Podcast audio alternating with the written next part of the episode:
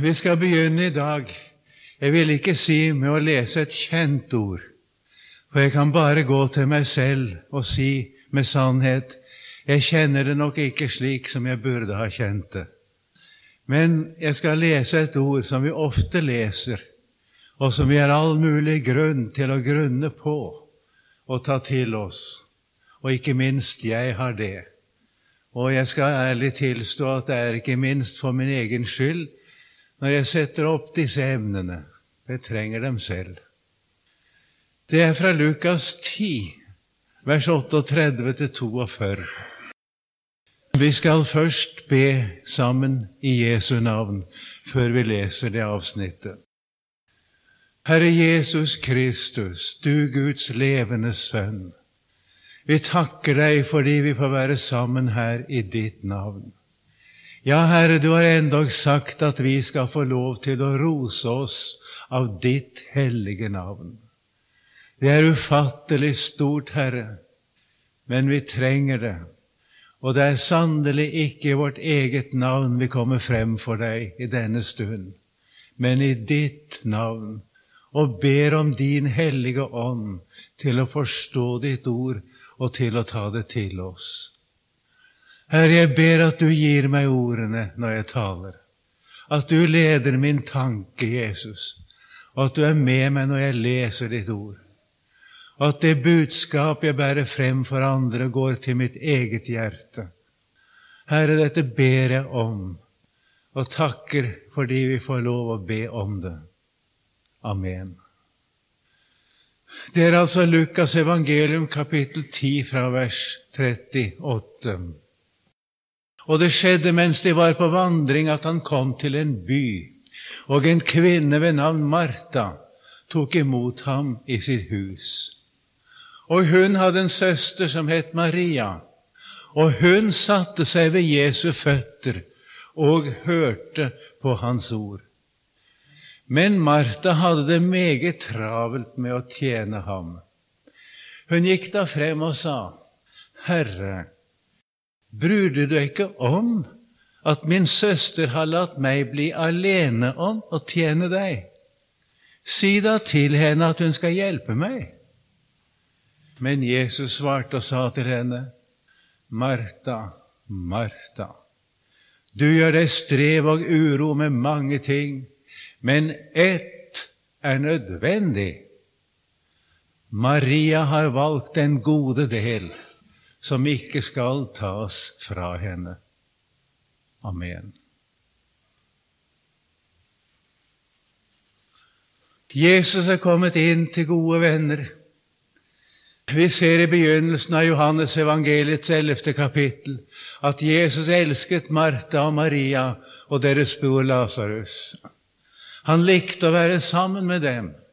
Han fant seg vel i det hjem. Det forstår vi.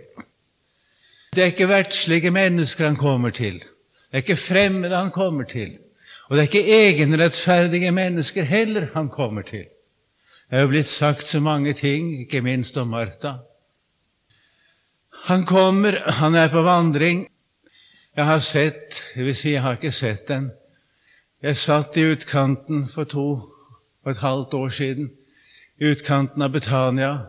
Jeg satt med ansiktet rettet mot det huset der dette hjemmet var i sin tid.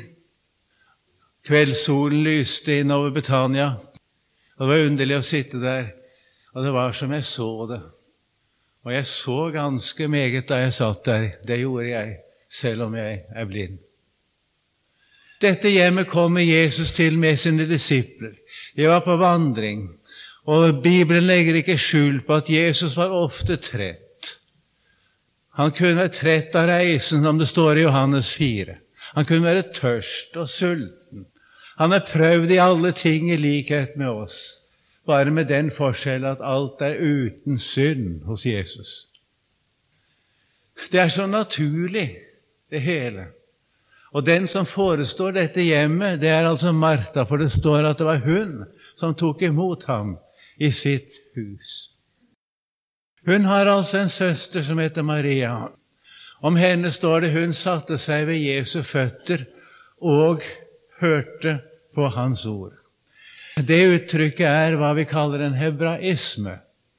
Tanken i det er slik hun satte seg ved hans føtter for å høre på hans ord. I dette 'og' som står der, ligger en hensikt, et formål. Det var ikke at hun tilfeldig satte seg der, men hun satte seg fordi hun ville høre Jesus. Hans ord hadde en ganske særskilt betydning for henne. Med Martha var det litt annerledes. Hun elsket også Jesus, som Jesus elsket henne. Om henne står det hun hadde det meget travelt med å tjene ham. Det må vi ikke forandre på. Må ikke si noe annet om Martha enn det som står der. Hun hadde det meget travelt, ikke fordi hun var så opptatt av huslige gjøremål. Og det står i en ny dansk oversettelse at Martha hadde det travelt med huslige sysler. Det står ingenting om det i grunnteksten. Det står nettopp det som er i vår oversettelse, bare det er et eget, meget sterkere uttrykk enda i grunnteksten enn vi er i stand til å få oversatt. Det står egentlig Martas sinn var distrahert, var trukket i mange retninger ved å tjene ham. Å tjene Jesus betydde så meget for henne at sinnet hennes ble så opptatt med det at det faktisk ble trukket bort fra Jesus selv. Og det er dette Jesus taler til oss om her. Her er altså to av hans venner. Den ene er ikke verdslig innstillet. Det er ikke riktig å si det om Martha. Og det er ikke riktig å si at hun er bildet på en verdsliggjort kristen. Vi har mange Guds ord som advarer mot verdsliggjorte kristne. Vi skal vel til dels komme inn på det også i denne uken. Men det er ikke det som sies om Martha, egentlig. Og aller minst er det utgangspunkt for å anklage husmødrene. Å snakke om husmødrene som er opptatt med husstell og matlagning og jeg vet ikke hva. Og nesten bebreide dem eller anklage dem fordi de er opptatt med det. Da glemmer man at en god husmor roses høyt i Guds ord. Du kan lese siste kapittel i Ordspråksboken. Det er vel verdt i dag, da husmoryrket blir ringeaktet av dem som minst burde gjøre det, og legge merke til at Bibelen høyakter husmoryrket og setter det over alle andre kvinneyrker. Jeg setter henne høyere enn mann etter Guds ord. Akkurat i vår tid kan det være veldig godt å være klar over at det sier Gud om en husmor med tro i sin husmorgjerning. Da skal vi ikke bruke ordet om Martha til å anklage dem som er tro i sin husmorgjerning. Det er noe helt annet som er tale om her, og som ligger oss atskillig nærmere. Martha setter seg som sagt ved Jesu føtter fordi Jesu ord de betyr noe ganske særskilt for henne. Dem må hun høre. Martha er ikke så innstilt på det som på at hun må tjene Jesus. Og nå skal du merke deg at når Jesus sier til henne, Martha, Martha, du gjør deg strev og uro med mange ting, Maria har valgt en gode del som ikke skal tas fra henne. Så er det ikke for å bebreide Martha at hun vil tjene Jesus. Det er det ikke. Men det er at hun blir så opptatt med sin tjeneste for Jesus at selve tjenesten for Jesus trekker henne bort fra Jesu ord. Nå kan vi spørre om det er aktuelt i dag. Og vi ser på vårt kristne arbeid i dag, og vi ser på kristne mennesker i dag, og vi spør hvor megen tid gir du deg med Guds ord, med Bibelen? Hvor mange er det i dag som bruker én time av sin dag for å være stille for Guds ord? Det er mange tro husmødre som gjør det. Det har jeg sett. Nettopp av de husmødre som er blant de beste og dyktigste i sitt husstell, bruker mye tid på Guds ord. Det er ingen motsetning mellom de to ting. Og som sagt advarer ikke Jesus mot det å være en god husmor. Derimot Jesus advarer oss imot å bli opptatt med å tjene ham på en slik måte at hans ord kommer i annen rekke i forhold til å tjene ham. Er ikke det aktuelt i dag?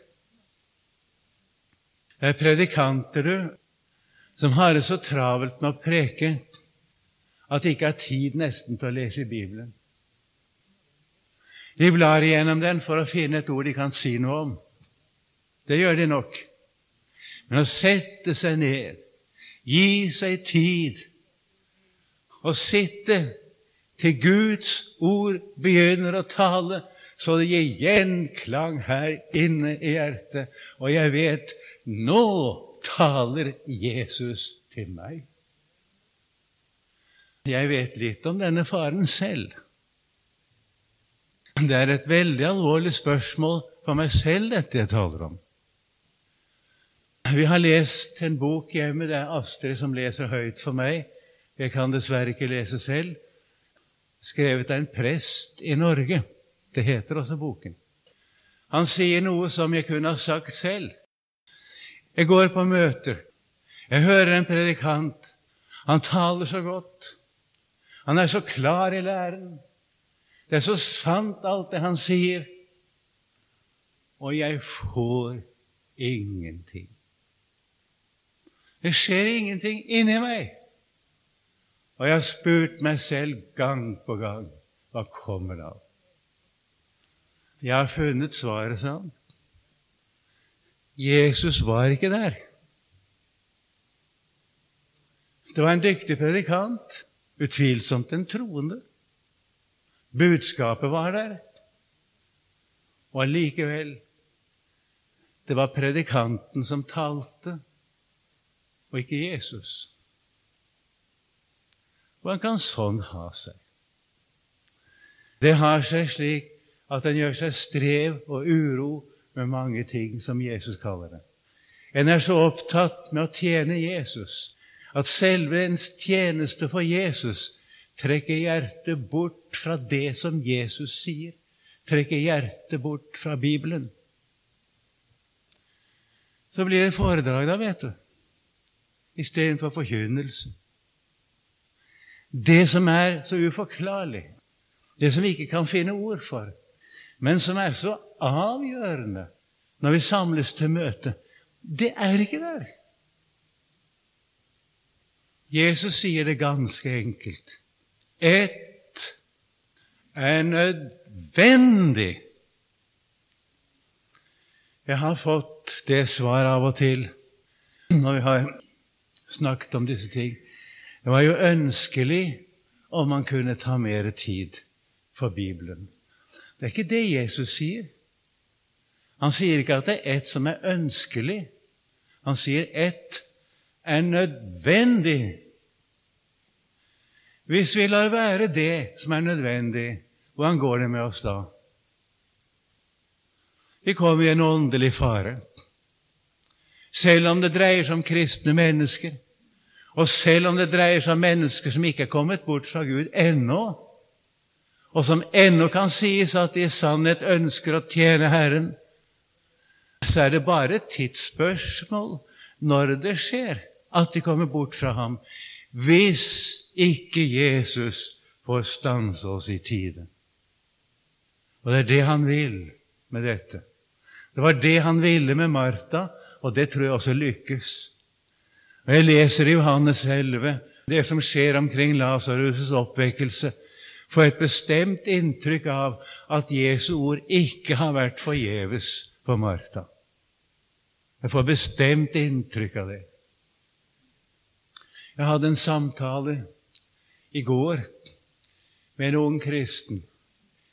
En 18-årig gymnasiast, tredje gym, dame, Jeg må si det gledet mitt hjerte da jeg oppdaget hun kunne nesten hele romerbrevet utenat, og mange av Davids salmer. Og det kom av at hun hadde oppdaget det ene nødvendige. Jeg ble storlig forbauset, og det var frydefullt å oppleve. Slik blir det når en gir seg tid. I Salme 51 står et ord som taler sterkt til meg i denne sammenheng. Se, du har lyst til sannhet i hjertets innerste. Så lær meg da visdom i hjertets dyp, står det. I hjertets innerste. Det er aller innerste i vårt vesen, det. Det innerste det dypeste som fins i vår person. Der er det Gud har lyst til sannhet. Og nå vet du at sannhet i Guds ord i denne mening, det står for selve Guds frelses åpenbaring. Det er ikke bare at Gud vil at vi skal se sant på oss selv. Det vil Han, og det følger med at vi kommer til å gjøre det.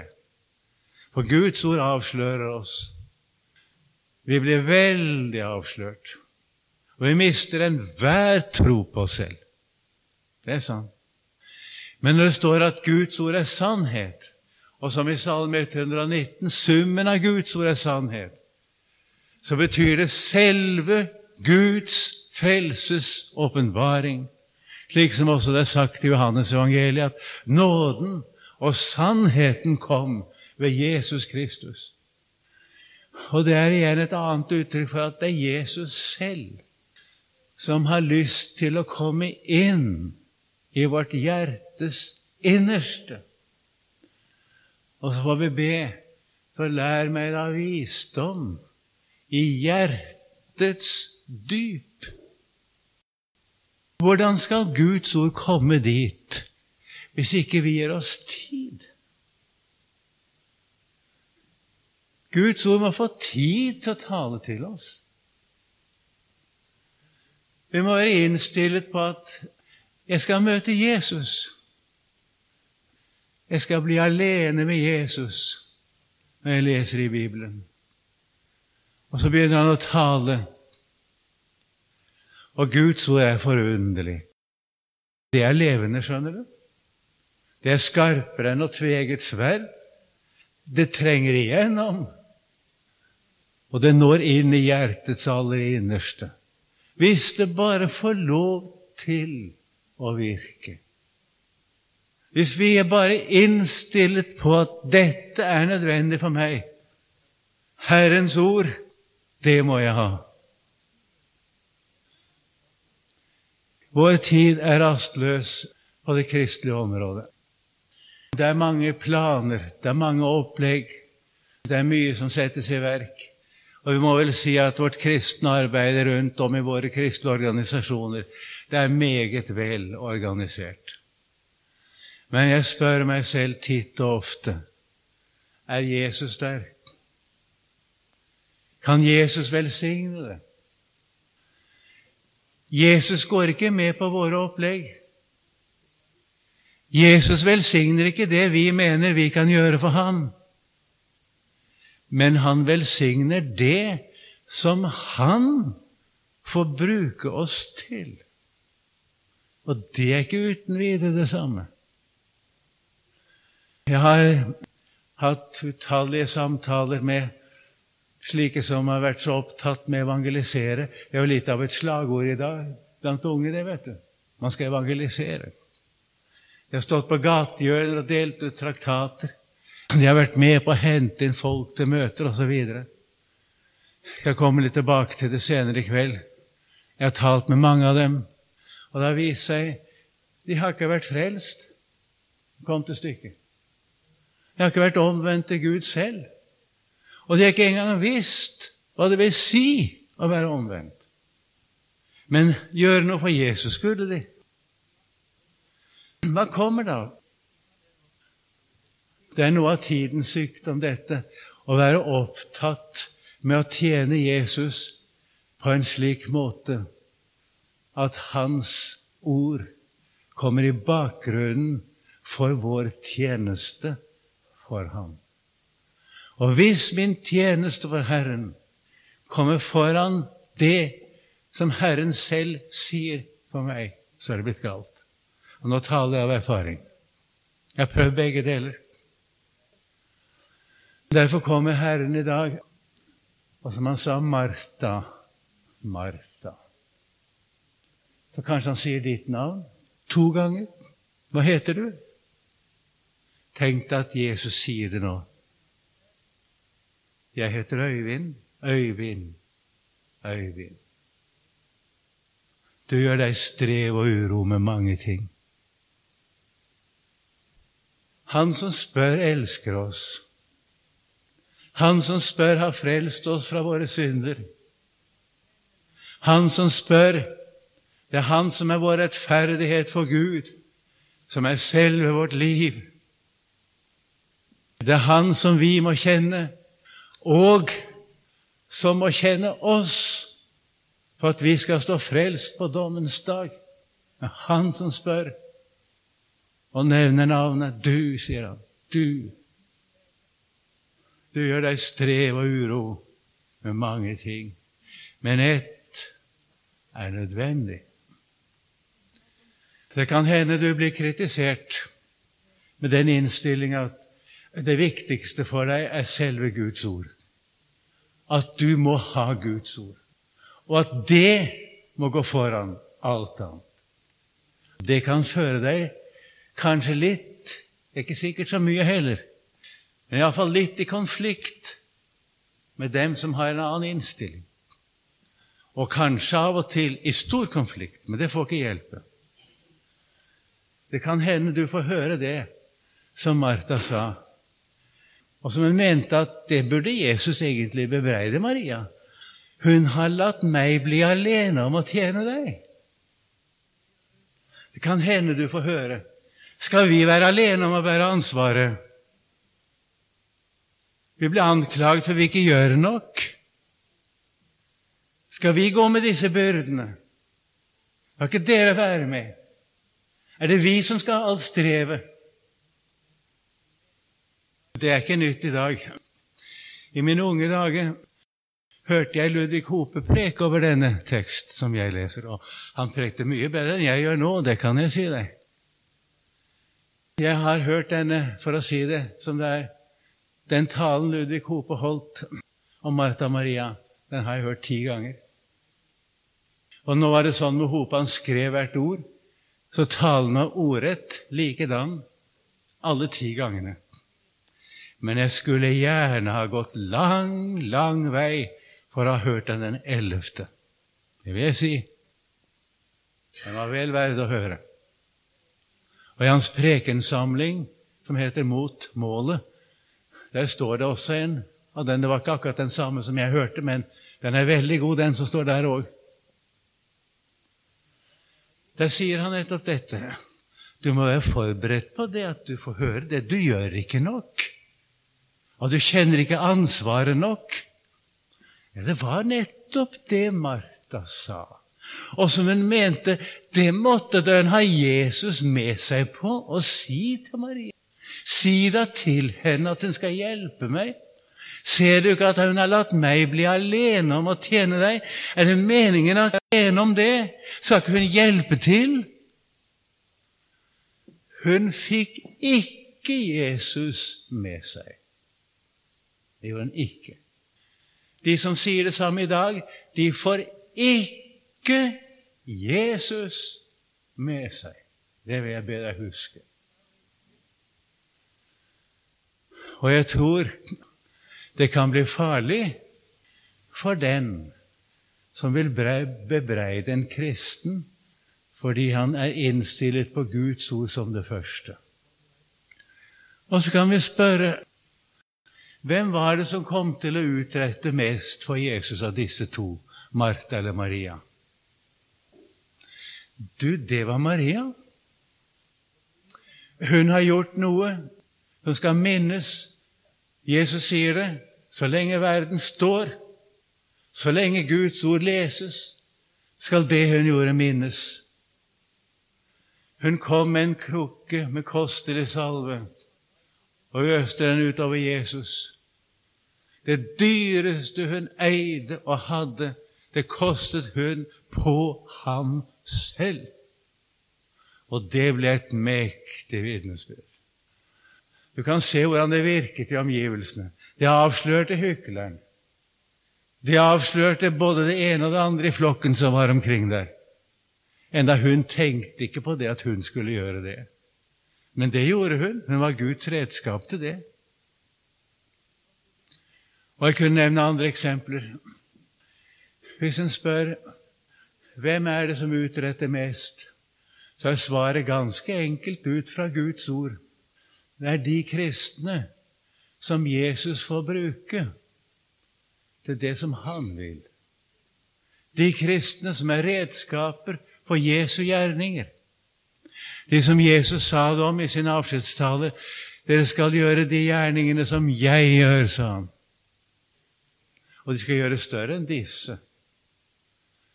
De skal gjøre de gjerningene som jeg gjør. Hører du meningen av det?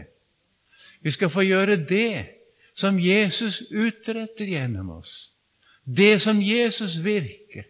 Det som Guds ord skaper ut fra hva det virker i vårt hjertes innerste.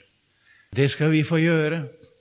Og når Jesus sier det skal gjøres større enn disse, så betyr det naturligvis ikke at det skal være større i kvalitet enn det Jesus gjorde da han var her på jorden.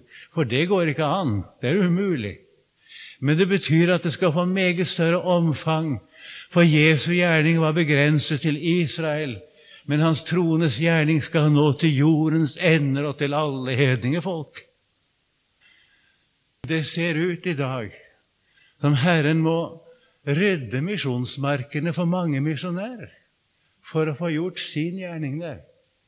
Det er svært å måtte si det. Han som er høstens herre, han holder på med noe.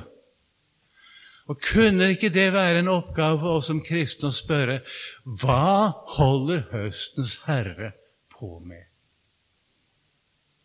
Misjonen skal gå sin gang til Jesus kommer igjen. Kommer ingen tid da den stopper. Og de som stiller seg til Herrens tjeneste for å bringe evangeliet ut, dem skal Herren sørge for kommer ut. Det kan du stole på. Han skal nok finne vei for sine sendebud. Men du skjønner, ikke minst siden krigen, er det bygget opp så mye menneskeverk, så mye menneskelige organisasjoner og menneskelige ordninger på misjonsmarkene som stenger for Guds rike, og som hindrer Guds ord. Og det vil ikke Jesus se på. Og så sender han ting som blir så uforståelige og ser så meningsløse ut. Men du kan stole på én ting. Herren har bruk for dem som gjør Hans gjerninger. Det er klart etter Guds ord, det som står i 1. Korinterne 15, 58. Derfor, mine elskede, vær alltid rike i Herrens gjerning, står. Det står litt til også. Og så står det da jeg vet at deres arbeid ikke er unyttig i Herren. Må ikke sløyfe det. Det er nok mye arbeid vi har gjort som er unyttig. Men det vi har gjort i Herren, det er ikke unyttig. Vi er faste, urokkelige, alltid rike i Herrens gjerning. Det følger med det ene nødvendige. Dette avslører meget hos oss, gjør det ikke det? Det er ikke akkurat så lett, dette her. Det er mange ting som nå tar seg annerledes ut enn det ellers har gjort, når vi ser det i Guds lys.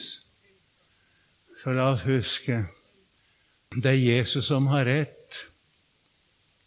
Det er én ting som er nødvendig, og den som hører Guds ord og tar det til seg, sier Jesus, han er salig. Han får oppleve sannhet i hjertets innerste, og han får visdom i hjertets dyp.